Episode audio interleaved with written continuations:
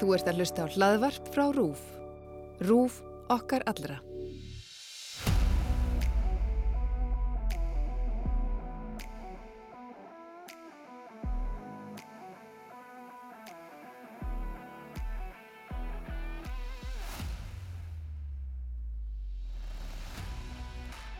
Íþróttavarpið heilsar ykkur á þessum fallega en jafnframt kalda laugardegi vel við hæfi því að uh, við erum komin í gang á vetrar ólimpíuleikunum í uh, já, Peking eða Beijing það er svona það, fara, það fyrir tvennum sögum af því uh, hvort maður eigi að bera þetta fram sem Peking eða Beijing og við erum svona Þetta er allavega ekki Nanjing. nei, þetta er ekki Nanjing uh, Það var hvað, vetrar höfuborgin, akkur þetta þá ekki bara í Nanjing.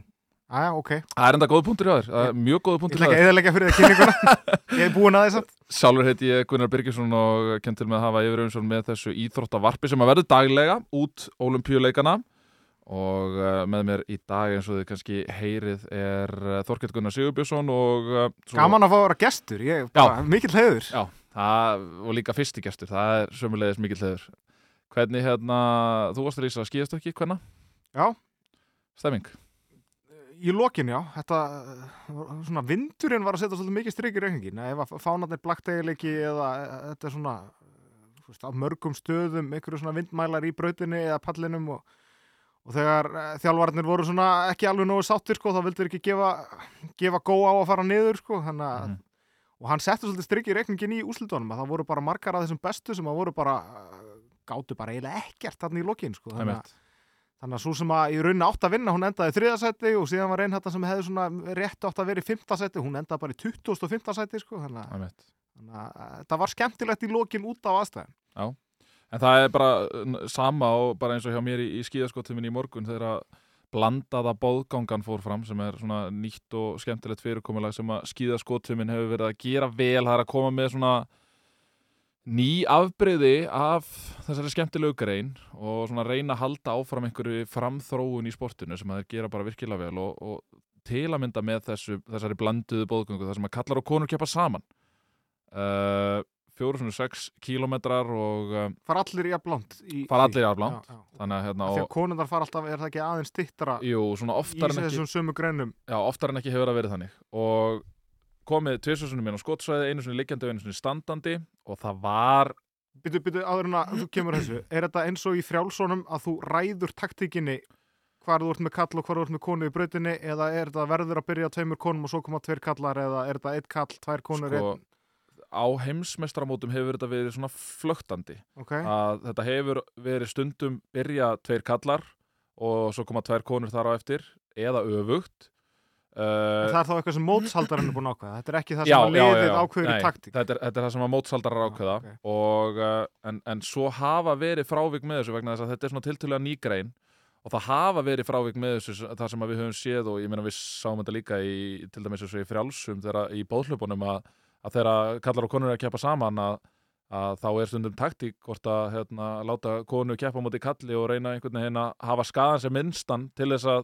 eiga kannski einhver tromp inni undir lokin skiljum Einmitt. það er mjög skemmtilegt einmitt að sjá þessa taktík sko. Einmitt. og hérna, en mér fannst þetta bara hefnast virkilega vel, þetta eru þessar þriðju leikarnir þar sem að, að þess, uh, keftir í þessari grein en það er sama þar að mér líður svona eins og það hafi bara ekkert verið skoðaðar aðstæður þarna, því að þetta er veist, ég ætla e- bara síður en svo ætla ég að fara hérna, rakka niður keppnis aðstæður þarna, það er bara síðasta sem ég myndi gera því að kýmverðinu með alveg eh, eiga hróskili fyrir það hvernig þeir hafa tæklað snjóamál og annað að, að hérna, þú veist, það náttúrulega er engin snjór fyrir utan brautirnar eða stökkpallana eða hvað hann er.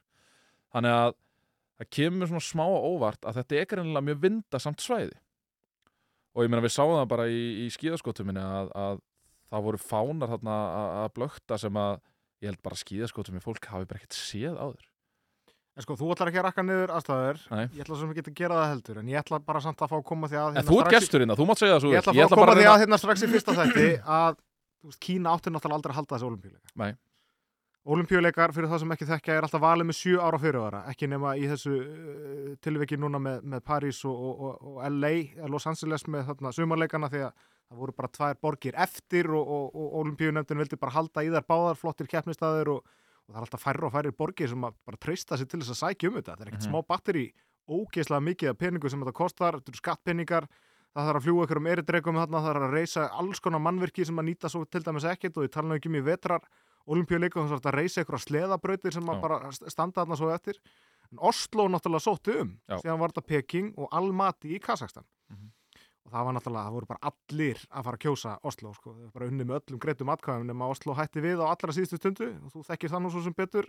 Að það er eins og, eins og við vorum að fara yfir áðan að, að það er veru bara vegna þess að, að skilst mér að það sé vegna þess að skattgreiðendur í Oslo séu einfallega ekki til í að taka það á sig að greiða undir eins og það nefnir þessa erindrega og þessa sendiherra og, og þessa hérna, stjórnir og klíkur og annað að, að norska þjóðin einfallega bara sætti sig ekki við það að, að það er mjög stór kostnaðaliður að koma öllu þessu fólki á keppnisstaði og annað slíkt sem að við höfum náttúrulega séð undanfæri ár þegar að að eh, já, til að mynda bara ráðherrar og, og, og fórsetar og, og fleiri er að fara á þessa staði að uh, þetta er að sjálfsögðu bara eh, tekið upp úr vasa keppnishaldara sko.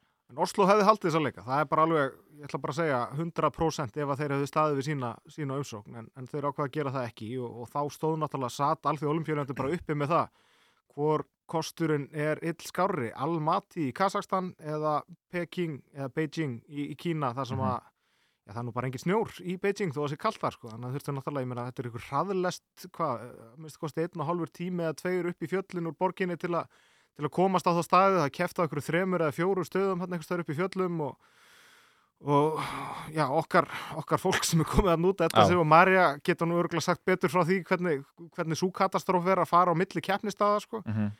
En ég tek alveg undir með, þeir, með það að kynverin er og kynveri arnir sem að standa baki þessum olimpíuleikum eru heldur betur að gera sitt allra besta og, og hérna eru náttúrulega lift grettistaki í að gera alla aðstöðu sem besta fyrir þess að leika. Algjörlega. En þeir eru ekkit í öfundsverðir aðstöðum af því að, að því að þetta hefur náttúrulega bara verið allt, allt, allt annað dæmi ef þetta hefur verið í Oslo Algjörlega og, og maður hefur séð bara eins og til dæmis, var ég á staðunum þegar að til dæmis uh, heimsumistara móti Oslo fór fram þar í Norrænum greinum 2011 tala nú ekki um ef að, ef að við værum komin út úr þessu kófi og þessum faraldri að, að hérna, ég held að þú náir aldrei að mynda einhvern veginn þá stemmingu sem að myndast í bara ég held að sé hægt að tala um, í þessu samingi bæði Nóri og Svíþjóð að við höfum séð þetta líka þegar mót, stórmót hafa verið til dæmis í falun í Svíþjóð eða, eða eitthvað slíkt að, þetta er bara þetta er bara trúabröð fyrir, fyrir, fyrir fólki þarna og, og fólk gjössalega bara brennir fyrir þetta og, og vill alltaf einhvern veginn sjá allt og vita allt og horfa á allt og einhvern veginn og, og ég meina og þetta er einhvern veginn bara greift inn í þjóðarsálina hjá báðum þessum stöðum, ég meina ríkistöðunar þar, ég meina þetta er bara, dagskráin er undirlögð allar helgar, allan veturinn. Frá, frá þú veist, átta mótni til til, þú veist, setnipart dags, skilur, það er einhvern veginn bara vetraríþrótti, það er bara flakkað á milli Evrópu staða, það sem að verið er að keppi í skíðastökki alpakrinum, skautum hingað og þangað, skíðagöngu skíðaskotum, ég skiptir ekki máli. Að þetta er bara þetta er algjörlega í sinni eigin deildi, þá veltir maður í fyrir sér er, er þetta þá ekki eitthvað sem að þarf að endurskoða? Er þetta ekki eitthvað sem að Alþjóða Olimpíunemndin þarf að endurskoða með allt þetta umstangi kringum leikana sem að er kannski bara óþarfi? hún er bara svo rosalega fastheldin Já, það þetta er bara hefðin. erfitt að íta við ykkur steinu þar sko. Þeir eru allavega búin að negla niður næstu vetarolimpíuleika og Mm það var alveg kostningum það og, tveir mjög spennandi staðir sem voru að berjast um það Stokkólmur og Ore í Svíþjóð og svo Milan og uh, Cortina d'Ampezzo á Ítali og, Mhm. og, og Milan og, og Cortina d'Ampezzo tóku það og það verður bara drullu flott dæmi en, en, en áfram með, með Beijing að það er öll aðstafa til fyrirmyndar, öll mannvirki og, og allt utanum hald virðist líta rosalega vel út Mhm. en það er bara þessur erfiðleikar að þurfa að fara á milli keppnistada og hvað er langt á milli og, og, og allt slíkt sem að kannski virðist vera svona að setja meira strikki reikningin og svo þetta viður aðstæður en það er náttúrulega geta að setja strikki reikningin allstæðar í heiminum þegar kemur að þessu sko. Já, já, algjörlega, það er alveg rétt en, en maður svona einhvern veginn sér rosalega sjaldan það sem maður sá í skíðaskotuminn í dag það sem að ég bara heimsins bestu skíðaskotuminn meðan voru að klikka kannski þremur, fjórum skotum í, í hverju skotserju þetta er eitthvað sem að maður er bara alls ekki vanur að sjá og, og hérna bara svona veist, ekki það, ég meina, það eru náttúrulega bara allir með sömu spil á hendi hvað þetta var það er svona, þú veist, þetta er bara eitthvað sem maður þarf að venjast á þessu leikum að það verða erfiðar aðstöður dagurinn í dag, ég meina það var 12-15 stegar frost. Það telst vera góður dagur í, í Shangyoku, það sem að hérna, norrannu grunna fara fram þar er búið að vera frost upp á 20-25 gráður Hvert er svona kjör hittastig fyrir göngu? þetta er allt of mikið, ég myndi halda að kjör heitasti væri, þú veist, bara Minus fjórar, fimm, sex já, bara eitthvað svoleiðis, bara svona fyrir eitthvað minimalist frost, sko Já. um leið að það verða eitthvað aðeins hlýrra þá svona einhvern veginn setur það svolítið eh, svona allan, allan uh, undibúning, hvort sem að það varðar undibúning á skýðum eða, eða líkamannum að þá setur það svolítið allt úr skorðum en, en ég myndi halda að eins og þú segir mínus fjórir, fimm, sex er, er, er mjög svona einhvern veginn þægilegt heitast að keppa í. En þá komum við að því að það er allir að keppa þessum aðstæður. Það er allir að keppa þessum aðstæður, það er alveg klárt. En, en vissulega eru auðvitað ekki allir sem að þóla bara yfir höfuð. Tala nú ekki um þeir, þeir sem að eru með og, og þegar það er svona mikil álega á lungun á fólki þegar, keppendur eru að æfa til dæmis bara svo við förum aðeins yfir í, í skíðagönguna til þessi júhaug sem að segist þeirra að æfa svona kannski á bylunni 1100 til 1200 tíma á ári að þetta er náttúrulega rosaleg álög á, álag á lungun og, og, og veist, hún má þakka fyrir það að vera, vera góð í öllum mælingum sem að varða súrefnis upptöku og annað að hérna, En varirnar, og er hún með réttan varasala? hún er alltaf með krónískan varaþurk Já, hún alltaf var dæmd í þetta keppnisbann út af emitt varasalvanum að hérna það voru styrar í varasalanum sem- Já, eða sko, að ekki framistuðu bætandi styrar, eitthvað sem heitir klosterból sem er talið e- ekki einu sinni framistuðu bætandi en er, en er vissulega á bannlista. Þannig að hérna, og, og er- læknirinn Mist hún af Pyeongchang hún misti af Pyeongchang Já. og hún misti af HM í HM 2017 sem að fór fram í Lahti í Finnlandi misti af, af þeim tveimur uh, stórmótum. Mætti en- svo bara langbest samt tilbaka. Já, sko, ég Tók fram úr þér í, þegar þú varst eitthvað leikkaðar eitthvað starf hann úti fyrir Já, ég tveimur, sæs, sæsar álm, já, það er rétt í, á Ítalíu, þá tók hún fram með þar hérna, Nei, svo vann hún sko, vann hún eitthvað götuhlaup sá ég fyrra eða hitti fyrra það var Já. bara, var off-season, hún bara fór að hlaupa man ekki hvað var, hálft marathón eða eitthvað sko og bara rúllaði því þó hún var ekkert að hlaupa bara því að hún náttúrulega í styrlu bara- úthaldsformi sko. þindarlaus sko og ég meina og þeir voru svo sem alveg normenninni voru alveg að gera sér vonið til þess að hún gæti jafnvel á braut farið í tíðusmetrana fyrir, fyrir norska liðið. Og það var alveg aktúelt að, að hún myndi jafnvel fara á EM eða eitthvað slíkt og keppa í, í þannig grein en, en hérna en eins og segja þetta tekur taka skíðin bara rosalega mikinn tíma og, og allt svoleiðis þegar þú ert í, í þessu topp leveli en, en aðeins varandi þetta keppnisbann sem hún fer í 2015 að þetta var náttúrulega tók rosalega þungt bara á norsku þjóðina eiginlega. en ég ætla ekki að ganga svo langt að segja að hún- verandi nýbúin að vera með Petter Northug sem var svona þeirra stóra stjarnar búin að vera í þessu hérna, fyllir í sakstri og, og, og öllu, þetta- öllu því vesenni sem að náttúrulega kemur raun bara stuttu eftir það að- Petter Núrtu klessi bílinn sinn þarna í þrántemi og, og, og, hérna, og svo reyndar átti eftir að koma annað dæmi með hann uh, löngu síðar en, en, en þannig að svona einhvern veginn sko norðmenn eru þannig að þeir bakka samt alltaf sitt fólk upp í svona aðstæðum.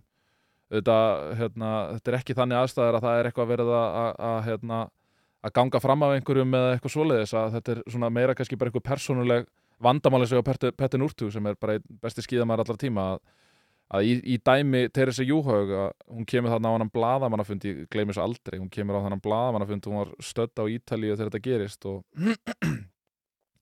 kemur á hann blaðamannafund og, og brotna bara algjörlega niður og fer að gráta og annað slíkt og, og svo er farið að velta því fyrir sér hversu, hversu langan dóm hún fær og, og eitthvað svo leiðis og, og þetta endar í einhverjum, ég man, man ekki hvað þetta var 16-18 mánuður eða eitthvað svo leiðis mjög langt allavega. Mjög langt og hérna fyrir eins og kemur fram þú veist, lítið magn af, af, af styrum sem e ekki eru framistuðu bætandi hún talaði um það uh, og hefur, hefur skrifað um það sjálf uh, að, að hún hafi verið að æfa kannski svona á bylunu 1200 til 1300 tíma á ári. Það eru svona kannski fjórir tímar á dag ef við miðum við 365 daga ár. Ekki nema.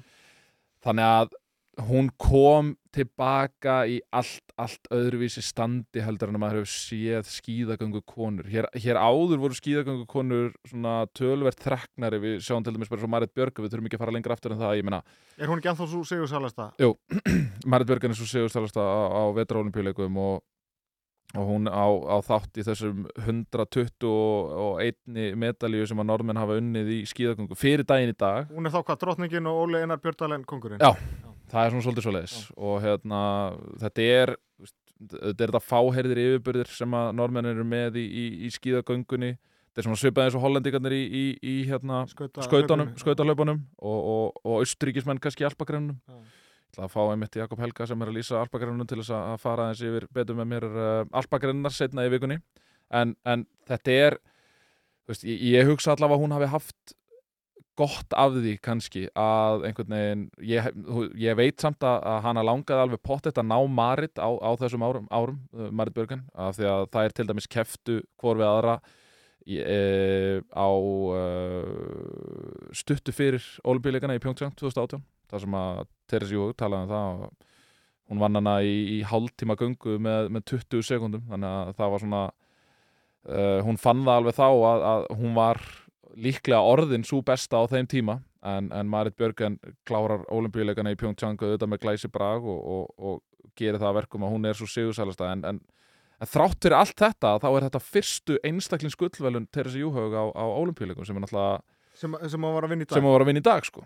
þannig að það, þetta, maður sá að þetta var, það þýtti alveg rosalega fyrir hana hún var náttúrulega kom inn á olimpíuleikana í Sochi 2014 sem svona smá wildcard ef, ef ég má sletta aðeins uh, þá svona aðalega vegna þess að bróðir bestu vinkonunnar í liðinu Astrid Ulnhjólt Jakobsen uh, hann lést degi fyrir skiptigönguna í Sochi manni og norska liðið var bara svona frekar hillum horfið nánast alla þá leika. Uh, þannig að þetta er, er rosalega auðvelt að samgleðast uh, Teresa Júhug með, með þannig árangur í dag en, en það sem að ég er eiginlega svona sem bara svona áhuga maður um íþróttina og, og mér finnst íþróttin hafa verið í svona smá basli undanfærin ár uh, þá aðalega hvað var þar uh, markasetningu, uh, hvað var þar svona nýjung og þróun á íþróttinni að mér fannst rosalega gaman að sjá að pallurinn var Noregur, rúsneska olimpíunendin og svo Austuríki. Fyrsta medalja Austuríkis í hvenna uh, skíðagöngu, Teresa Stadlóber. okay. Rosalega sem að mér þótti væntum að sjá eitthvað annað heldur en bara Noreg og Svítjóð. Okay. Jóhák, hún er svona eina drottningunum hérna núna og ef við bara förum yfir stærstu nöfnin á þessum olimpíuleikum. Mm -hmm. Þetta eru konur. Þetta eru Teres Jóhák og Mikaela Sifrin í, í, í alpagreinunum og svo eru fullt reyndar af mjög flottum konum í alpagreinunum líka. Kom Sján Væt inn í, í, í Já, snjóbröðunum? Sean White, þetta Já, er, þessi þrjú ekki, er þetta ekki tilkynna- bara svona þrjú stærstu nöfni þá? jú, jú, hann var að tilkynna það í dag að, að hérna, þetta eru síðustu leikarnir hans og ég meina, Þannig hann í snjóbröðunum já, og ég meina Chloe, Chloe, Chloe Kim hefur svona náða að skapa sér ágætisnafn í snjóbrettunum sömulegis en ég er alveg sammála að, að svona ef við förum bara í þú veist, bara reynd og beint nafn, markasetningu og allt svona að þá held ég að, að, að Teresa Júhug og Mikaela Sifrin séu svona ef maður hólfið hlutust á þetta þá séu þetta stærstu nöfnin ég meina Mikaela Sifrin er orðin rosalega stórt nafn í bandaríkjum búin að vinna fleiri mótheldur en Lindsey Vonn er það ekki heimsbyggja Já. þannig að þú veist hún er líka svo allega, hún keppir og Hún. Vonn var það svo sem líka en, en þú veist, það, það er svo mikill munur að vera að keppa í brunni Já. eða, svíi sko, þessum tæknigreinum versus síðan þessar hraðagreina Mhm. og ég meina og þú veist maður er búin að vera að fylgjast með þessum bandarísku íþróttu núna þú veist bara svo íþróttum eins og amerísku fótbolta í NFL-inu og eitthvað svona og þar er bara verið að auglýsa statt og stöðugt vetrálupjuleikana sem að er að með minnir á NBC sem að eru með réttina því. Og það er Mikaela Sifrin bara notuð rosalega stórt og statt og stöðugt. Þannig að veist, það er mjög augljóslega verið að reyna að búa til nafn og mér finnst það bara hefnast ágætlega. Verða að vera með stórnöfn það kemur náttúrulega mjög mikið af Bóti Miller Ted. Lickety og Lindsey og Vonn sko. og, og, núna er bara Sifrin og ég meina veist, ég tippaði nú á það að Jessica Dickens yrði ofalega í dag. Hún endaði að með minni sjötta í, í skiptigöngunni. Jessica Dickens er alveg klárlega einn sem að gæti vel unni til verluna og jafnvel gullverluna á þessum leikum í skíðagöngunni. Uh, bandariska sveitin í, í, í hérna, blönduðu bóðgönguna áðan virkilega öflug frábær á skotsvæðinu. Það var svona kannski aðeins undir lokin það sem að að Sjommer á síðasta sprettinum náðu ekki alveg að halda í við á allra sterkustu. En, en veist, ég held að, að, að hinn almenni áhuga maður eigi alltaf að fagna því þegar að bandaríkin koma fullum þunga inn í, inn í eitthvað sport. Bara á markasetningu Já, bara- og áhuga og er peninga og er allan bakkan er en mér langar aðeins að klára með Júhák því að þú ert náttúrulega svolítið mikið vel inni í, í norskum íþróttum. Mm. hversu ofarlega er Teresi Jóhák bara yfir nost íþróttafólk nútímans? Ég myndi einhvern veginn giska á, á, á Erling Bratt Holland, fótboltamanninn, Já. Magnús Carlsen, eh, ef við tökum skákinn inn sem íþrótt sem að Mhm. ég ætla bara að gera allavega hér og nú. Mhm. Er ekki Jóhák bara eitthvað þar, þar í kringum þá? Já, ég meina þegar maður lendir á Gardemó þegar maður lendir á Gardemóflugvilli þá taka við manni risa, risa, risa stóra myndir að Teresa Jóhag það er bara þannig, þú veist, hún er bara hún er andlit Huawei, minni mig Simans sem eh, er, er vinsall í Nóri uh, hún er komin með fatalínu sem er orðin bara ein vinsallasta tískuvaran í Nóri uh, hún er ofal á öllum listum þegar það er verið að kjósa eitthvað, hvort sem það heitir Óræts nafn á Ídrettskallan eða hvað sem það er. Ég held að norðmenn kunni enga veginn til dæmis að meta leikmenni svo Erling Braut Holland. Ég, veist, ég, ég, ég veit alveg að, að það er alveg klárlega að vita að hann er einn af bara topp 10 fótboltamörum í heiminum í dag og auðvitað er fótbolti lang, lang, lang, lang, lang, lang, lang, lang stærsta sportið í dag Hann náttúrulega með svolítið stórt ego, sko. Já. Það kannski svona geti Það kannski- trublað ykkur. Já, já, það getur vel verið, en ég meina það trublaði ekki til dæmis í tilviki Petter Núrtug sem er, er sömu leiðis með, með mjög stórt ego en, en eins og ég segi, þetta er bara rosalega grift inn í þjóðarsálina þessar vetraríþróttir þetta er bara það er einhvern veginn, þú veist manni finnst bara alltaf eins og þetta séu stærstu stjörnunar bara uh, þar að segja hverjir eru á toppnum bara í, í skíðunum hverju sinni, sko En það við það eftir að Noregur misti sjónvarsréttin, eða sem sagt eh, NRK misti Mhm. sjónvarsréttin á, á vetrar olimpíuleikum og olimpíuleikum yfir höfuð að það er samt hellingur af fólki frá NRK út í Kína núna sko, algjörlega bara útvarpið. Algjörlega, bara líst í útvarpi og, og hérna, allt svoleiðis, en ég meina það er líka önnur, þú veist, ekki það, eh, ég ætla eitthvað að vera að klappa okkur of mikið á, á bakið, ég meina, en auðvitað eh, megu við vera mjög þakklátt fyrir það að að uh, það eru fáar uh, Norðurlanda stöðvar, þar að segja ríkistöðvar sem, að, sem að eru ennþá með sýningaréttin af, af ólimpíuleikunum óskiptan. Að við sitjum eina að öllu þessu efni og, og erum, erum, erum að sína mjög mikið uh, erum að sína frá öllum greinum Ég held að sem að sína úrslit í held ég meira að minna öllu, það er kannski einhver skauta hlaup eða skauta að sem við náum ekki að sína en ég minna þá kemur það bara allt inn í olimpíukvöldin og, og fréttir sko, en, beinar útsendingar á lang flestu af því sem er allavega keft til úrslita. Plús síðan einhverjir ísókileikir og ég man ekki alveg hvernig með krulluna en, en allavega eru úrslitin þar. erum að sína slatta í, í, í, í reilum sko. Já, þannig að hérna og eins með bara þú veist og það er svo annað að því að, að, því að þú veist, nú er maður búin að vera að horfa á þessar, þessar Norðurlandastöðar, bara svo SFT og NRK að, að hérna, þú veist, náttúrulega með lýsendur sem eru bara svona orðin einhvern veginn svona uh, bara gestir á, á, á, á, á heimilum uh, allra í landinu einhvern veginn og hafa verið undanfærin ár og jafnvel ára tugi þetta eru bara svona þekkta rattir Bara svona, og þegar- Sigurbjörn Átni nákvæmlega. Einar í handbóltanum eða, eða núna þú í, í, í skíðagöngunni og skottveiminni og þetta er raun og veru þannig að þú veist, nú sér maður bara umræði á Twitter að, að það er svona, ég meina bara eins og með allt svo sem ein- einhverja nýjungar að það tekur allavega tíma að venjast en maður sá að það var allavega það var eitthvað, það var einhver, eitthvað ósætti sámaður með þessar útsendingar allavega fyrstum sinn en, en það er nú kannski bara eitthvað svona getur verið íhaldsamt, vill, fá sinn þul sko.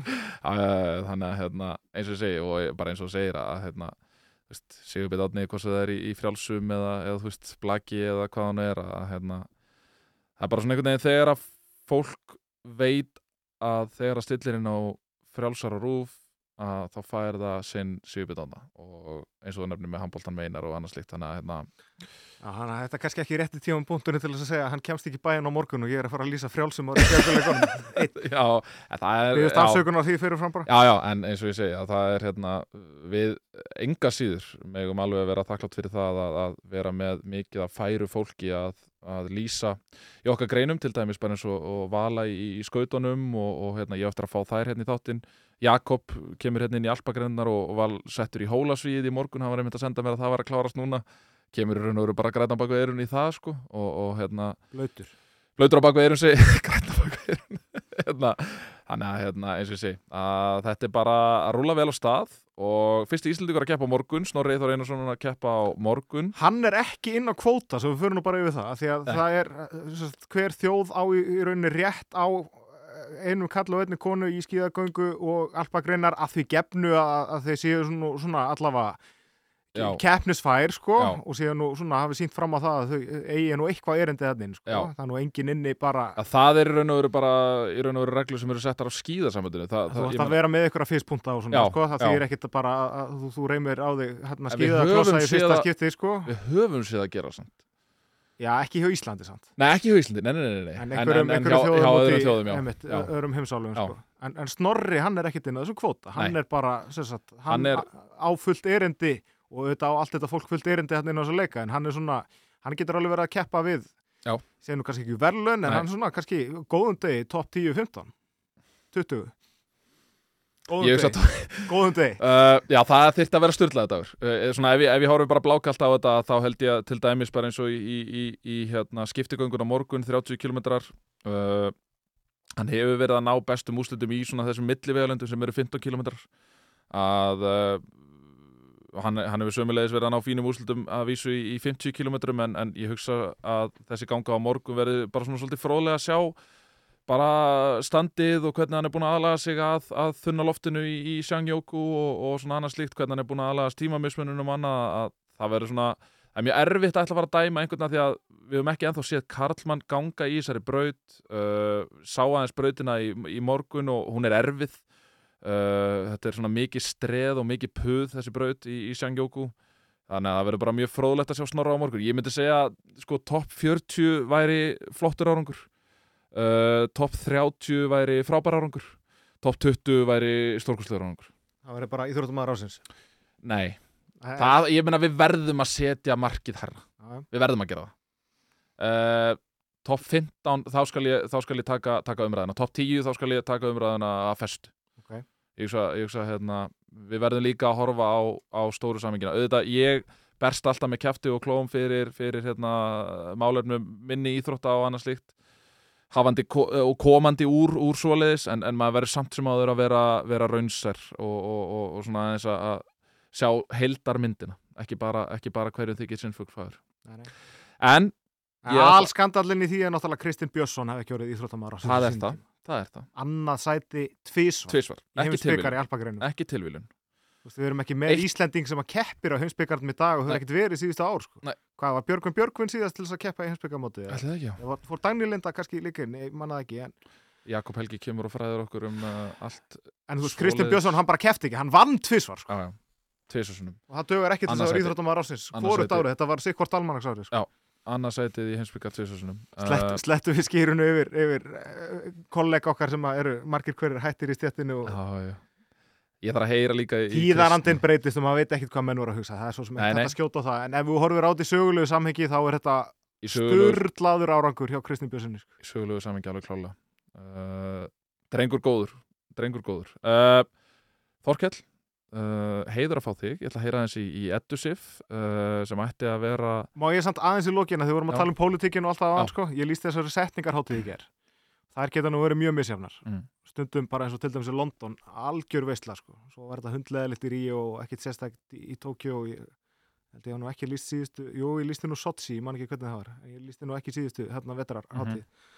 í Pyeongchang en í gær þetta var nú bara svona nokkuð nýtt með það Já. auðvitað fór mestu tímin í, í keppendur að ganga inn á og auðvitað senkaði þetta um einhverju 20 myndur og eitthvað en, en, en svona það sem að þeir höfðu frelsi til kynverjarnir að að gera var bara nokkuð smekklegt og, og flott þeir voru ekki í þessu sömu, sömu flugeldasýningum og þeir voru 2008 með sumarolimpíuleikana 2008 trommuleikarar og eitthvað svona sko.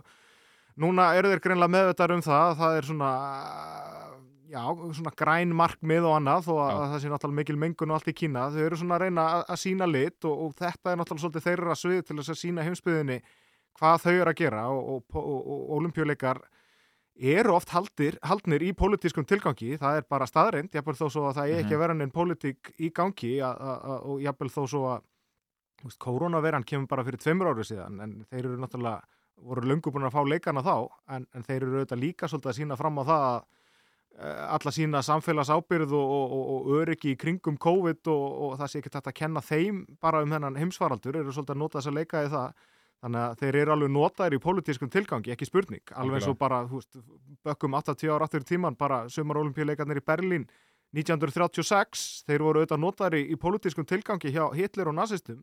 En þegar leikonum er útdelt til Berlínar, þá voru nazistar ekkert komin til valda einu sinni, sko.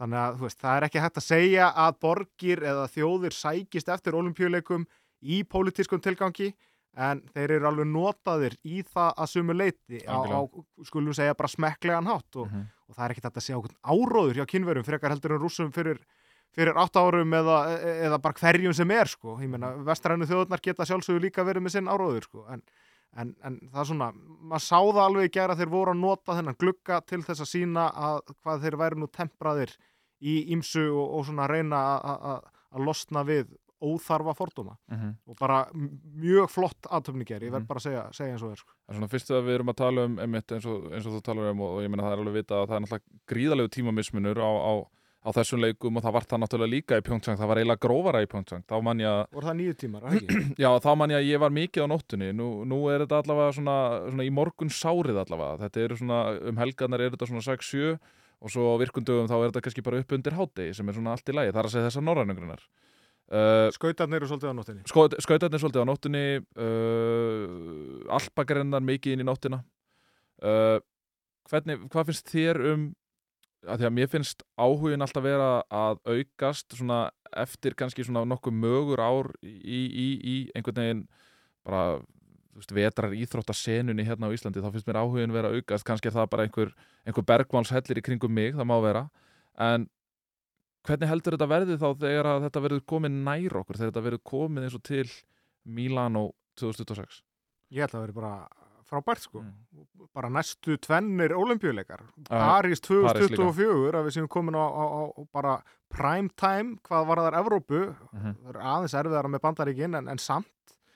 En prime time hvað Evrópu var þetta verður allavega algjör visla fyrir okkur Evrópubúa næstu tvennir leikar upp á að vera með allt í, í, á kjörtíma. Og líka það fyrir fólk að eiga möguleika að geta farið á olimpíuleika Nákvæmlega, það, akkurat það það hafa ekkit, bara London 2012 eru síðustu olimpíuleikar þar sem að fólk hafði bara möguleika á að fara og vera viðstatt og, og, sjá einhverja viðburði sko. Einmitt. þannig að Paris 24 og Milano og Cortina d'Ampezzo 26 þetta er svona, ef að fólk vil tikka ykkur box og svona sko, þá þá er alveg um að gera að byrja að, að sapna leggja til hliðar fimm og skalla mánuði og, Já, já. og sjá hvað maður stendur eftir 2-4 ár sko. Já.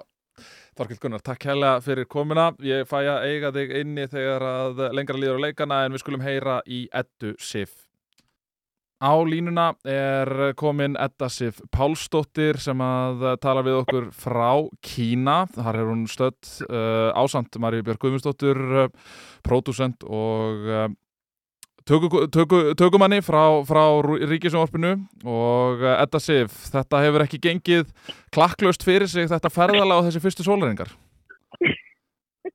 Nei, það er svo sannlega ekki gert það. Þetta var náttúrulega helgjörn með ferðalag, fyrst til Oslo og svo Helsingi og svo Peking og maður lendir náttúrulega bara í einhvers konar ólimpíu landi. Við erum ekki partur af kynversku samfélagi eða samfélagin hérna í Peking, þannig að við bara lendum og, og þá sjáum við bara út um glukkana fólk í hvítum búningum þó tóttir þið táar koma og það er bara allt sprittað og við erum svona heimt öll einhvern veginn gegnum flugstöðina og náttúrulega það þarf að býða og það þarf að græja og, og allt svona dálítið flókið.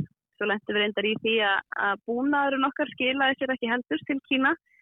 Þannig að við komum hérna upp á hótel bara með hluta af því sem að við fórum af stað með og svo lappa maður inn á hótelið og þar býður bara kona með bara svona spritt byssu, bara svona langa stöng og það er bara sprautaði yfir okkur og, og þann hérna e, fanungur sem við vorum með. Og svo er bara öskrað okkur, sko bara go to your room og það er áttu við bara að býða þá er til að svarið úr fyrsta COVID-prófinu hérna út í Kína væri komið á hrein þannig að þetta var svona daldi svona, já, daldi svona uppveikjandi Þannig ekki, ekki nóg með það að þið ferðist þarna nánast í sólarhinga að þá er, það er svakalega stangar COVID-reglur. Emitt, fólk er bara tekið og flutt burt bara. Við sáum núna hérna svartan trukk fyrir utan þegar við komum heim úr tökum dagsins vera, þá er greinilega einhver smittast á, á hótelinu sko. Og þá er bara fólk tekið og farið með það bara, ég veit ekki hvert. Þannig að maður er svona maður er hálsmeikur við það sko. Já, og svo er maður náttúrulega bara inn í þessari, þessari ólimpíu veröld þú veist, við hittum engan sem býr hér sem meðum bara fara í ákveðnum bílum og vera á ákveðnum svæðum og hérna þessir ólimpíuleikar er haldnir í bara svona einhvern veginn heimi út af fyrir sig þannig að við gætum verið hvað sem er í heiminum sko. mm en, en ég meina hvernig er bara, veist, tilfinningin að vera komin á olimpíuleika en samt einhvern veginn geta kannski ekki alveg notið þess alveg strax Já, það er það er ósvöldlega skrítið sko. Og svo náttúrulega má maður ekki fara út um allt, þú veist þannig að ég hef, ég hef ekki séð eina mínúti af því sem er þó búið að gera þá sem olimpíuleikum mm -hmm. og maður gerir sér ekki alveg grein fyrir fjarlagunum í þessu, við erum alltaf aðlægina til að elda íslensku keppmynduna og maður er einhvern veginn bjóst við því að maður myndi bara lappa upp í einhverja lest og, og vera komin á staðin sem maður ætla á. En þetta er svona dálfiðin sem maður ætla að fara á sko ísokkileika og einstöðum í hátteginu og körubóttileika og ísastur í setnupastin og kvöldið ásöldum í hafnafyrði og þurfu einhvern veginn að koma svona milli bara á puttanum og, og helst með fjórum mismunandi faraskjótum bara hérna bíl og höstvagnni og ekkert af þessu passa saman og það er svona óþarfa mikil orska sem fer í þessi ferðalík öll saman mm -hmm. en svo náttúrulega finnum að samtalið ég komið mínu fyrstu olimpíuleika og það er náttúrulega bara eitthvað alveg sérstakt við það Mm -hmm. maður svona fær alveg svona aðeins smjörstefun af því þó að hérna Marja sem er með mér og getur sagt mér frá því hún er að fara á sína þriðju röð núna þetta er, þetta er rosalega óvenjulegt Já, einmitt. En, en hvernig er svona veist, planið framundan hjá ykkur? Þú sagðir að, að, hérna, að þið varu til dæmis ekki með eh, að þið varu ekki með hérna, allan búnaðin ykkar. Hvað er eitthvað að vita hvernig þið fáið hann eða? sko, hluti kom í gæð eftir að hafa ferðast í gegnum Istanbul Istanbul? og við vorum svona vonast Istanbul, já. Já. og það vonast eftir því að, að, hérna, að það væri þess að taskan með hljóðnumónum okkar og svona öllum, öllum, öllum græjunum. En það var þrýfóturinn sem skilaði sér. Þannig að hefum eiginlega geta verið án hans og eitthvað lengur. En við fengum skilabúðun og náðum að taskan væri kannski í Tókjó og nú bara leggjast við á bæna því að nú náttúrulega fara hlutin að gera þegar hérna, okkar keppendur fara að veist, við erum náttúrulega búin að hafa svona aðeins við rúm og bara fara að hitta þau sem í undirbúningnum og við fórum á setningarættumina í, í gerðskvöldi og hún var náttúrulega bara sínd í betni í sjónvarpinu og við þurftum ekki að taka hana upp. Mhm. þannig að við hefum svona sloppið þannig sér með þetta hinga til en, en nú breytist það þegar hérna, alvaran tekur við en við fengum lánaðan hljónum á hann hjá vinum okkar á, á NRK sem við megum vera með útleikana en að við svona, þú veist, þetta er þetta einhvern veginn Ok. Uh, uh, ég meina þið farið þá væntalega til Shangyoku á morgun þar sem að Snorri er að keppa. Hvað, til dæmis, ef þú- bara labbaði með mér í gegnum ferðalagið frá það sem að þið eruð í Peking til Shangyoku? Já, það er, það er þannig að við förum inn út og tökum rútu í svona IPC heitir það, bara svona fjölmjöla aðstæðin fyrir Peking og það tekur 45 mindur.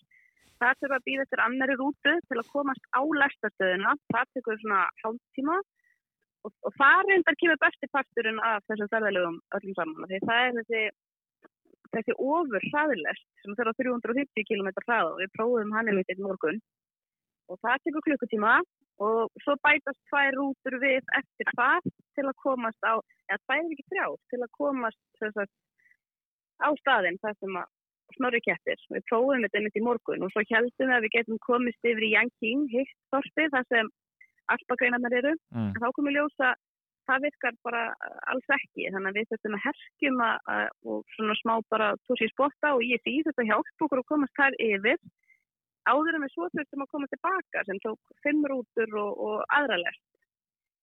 Og svona rúma fjóra klukkutíma. Þannig að þetta er svona já, þessar vegalengdir hérna í Kína er ekki alveg svona eitthvað sem maður var undirbúin fyrir. En ég meina, er þetta að koma fólki eitthvað spánst fyrir sjónir? Er, er, er, ég meina, þessar vegalendi þetta var svo sem vita, en, en hvernig er til dæmis bara, hvernig er hljóðið í bara bæði keppendum og, og ISC-fórustunni og, og, og bara kannski þeim sem eru að aðstóða ykkur í þessu? Ég meina, mætir ykkur velvild hvert sem þið farið það? Um, sko keppendurnir finna í raunin lítið fyrir þessu því að þau þurftu bara að komast á sinn stað og þar eru þau og þau þurfum ekki að fara á milli þorpa nema bara hann í gæt þegar þau fóru á, á setningarátununa það gekk svona þokkalega þú veist það tekur alls nokkrum klukkutíma meira samt en maður gerir ráð fyrir og það gerir það líka hjá þeim. Mm -hmm. en málið er að þetta verðist ekki alveg ganga upp sko planið eins og lagt var upp með ferðirnar á milli þorpana og svona þetta lítur bara alveg eðlilega út á einhverjum einhverjum svona plönum og kortum sem við höfum fengið nema svo er bara eins og eitthvað hafi klikkað og það átti til dæmis alveg að vera hægt að komast á milli þess að þorpa en svo bara er það ekki þannig og við höfum séð hérna kollega okkar vera að skrifa inn á einhver svona spjallsport þú veist að þau horfðu á eftir rútunni sem þeir átt að fara með og þá tekur bara við eins og hálftíma byrð bara úti í 20. frosti og svarta miskri sko, sem við lendum með því líka áðan mm -hmm. og norsararnir sem að lánu okkur mikrofónin, þeir tala líka um það að þetta sé, þeir hafa ekki lendi svona á olimpíuleikum áður og það er kannski auðveldara fyrir svona stærri hópa eins og þá við Marja erum bara tvæ þannig að við getum svo lítið í sig gert en, en svona stærri hópar gátti bröðu að það ráða að skipta sér bara upp á milli staða og það er bara einhver sem bara settur bara til Peking og er bara hér og þannig að þau eru bara að sleppa þessu transporti öllu saman Mm -hmm. og bara reyna að leita einhverju leiða til að, vinna þetta á, á sinn hátt. Já, maður hefur séð einmitt norðmennin að tala einmitt í þessum dúr að hérna, er margt allavega sem betur mætti fara þarna en, en, en leikarnir er allavega konur í gang þetta ég hef svo nagandi áhyggjur af því að þið séu ekki að sofa nóg og, og, og, og þetta álag sem hefur verið á okkur síðustu daga þannig að ég ætla, ég ætla að sleppa þér í bíl en ég fæ að eiga þið inni alveg klálega og við náttúrulega fáum að sjá Ég nóg ætla að að eitt við þig í lokin að þú varst að spyrja um viðmótur. Ég verði eiginlega að taka það fram að sko kynverjarnir í búningunum, þeir eru, þeir eru mjög almennilegir og þeir vilja Ok. okay. fyrir mann gera og, og svona, já, sína mikla velvind, þeir eru mikla tungumálu og öðruleika líka en, en þeir eru, eru næst. Ok, það er, það, er, það er allavega fyrir mestu og vonandi leysist svona úr, úr flestum af ykkar vandamálum og, og þið kannski endur heimtið eitthvað af græjunum sem þið tókum með og, og vonandi finnast þær í Tóki og annars líkt þannig að- En Edda Sif, takk hérlega fyrir að takk hérlega fyrir að ansa. Nú, nú ferðu og leggur þið og verður klári átökinni fyrirmálið Takk fyrir. Sjáumst, bæ Það held ég að þetta sagði Edda Sif í uh, samtali við mig hér uh, fyrir í dag. En uh, við munum alveg klárlega að heyra meira frá henni og, og því sem að þær eru að fást við þarna úti. Og svo að sjálfsögðu minn ég bara á áframhaldandi frábæra dagskrá hjá Rúf frá þessum olimpíuleikum og minna sjálfsögðu á skiptugönguna hjá Körlunum á morgun þar sem að fyrsti íslenski keppandinn Snorri Þóra Einarsson keppir. Og uh, það verður alveg klárlega eitthvað sem að verður verðt að fylgjast með. Snorri svona kannski sterkasta kort Íslendinga á þessum leikum allavega svona fyrirfram ef að, ef að svo má segja.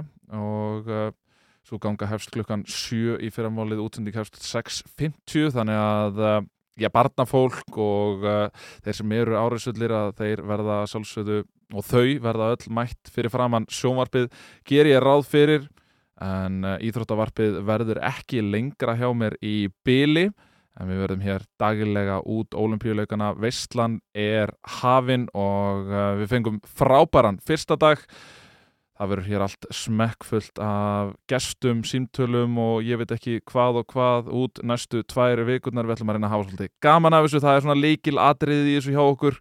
En uh, íþróttavarpið kveður að sinni, verið sæl. Rúf okkar allra.